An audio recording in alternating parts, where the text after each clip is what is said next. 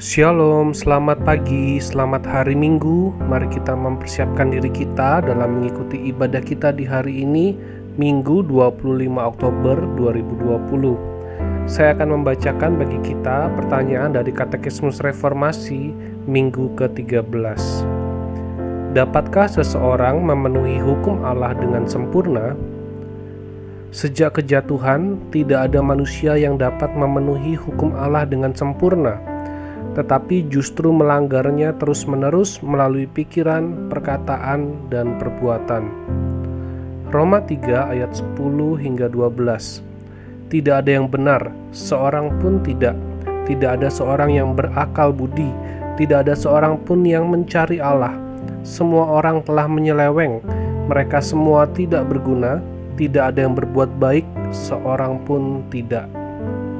Allah menciptakan manusia untuk mengasihi, menikmati, memuliakan, dan mentaati Dia, dan bertumbuh di dalam dan melalui semua itu.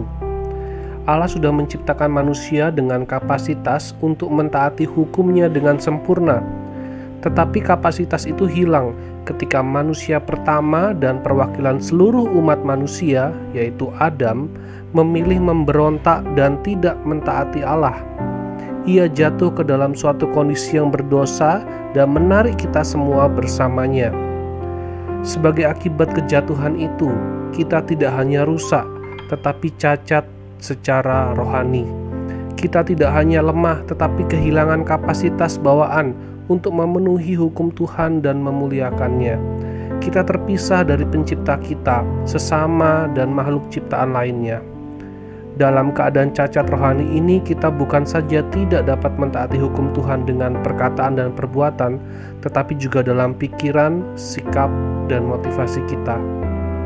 Kita terbuang jauh dan kedapatan bersalah di hadapan Allah yang kudus. Tetapi itu bukan akhir cerita. Itu adalah latar belakang bagaimana Kristus datang untuk membawa hidup dan pengharapan. Meskipun kita tidak dapat memenuhi hukum Allah dengan sempurna, ada seseorang yang sudah memenuhi hukum itu dengan sempurna untuk kita. Ialah Yesus. Yesus sudah setia mentaati Bapaknya bahkan sampai mati di kayu salib agar kita yang percaya kepadanya tidak lagi hidup dalam kesalahan, kuasa, dan perbudakan dosa, tetapi benar-benar merdeka.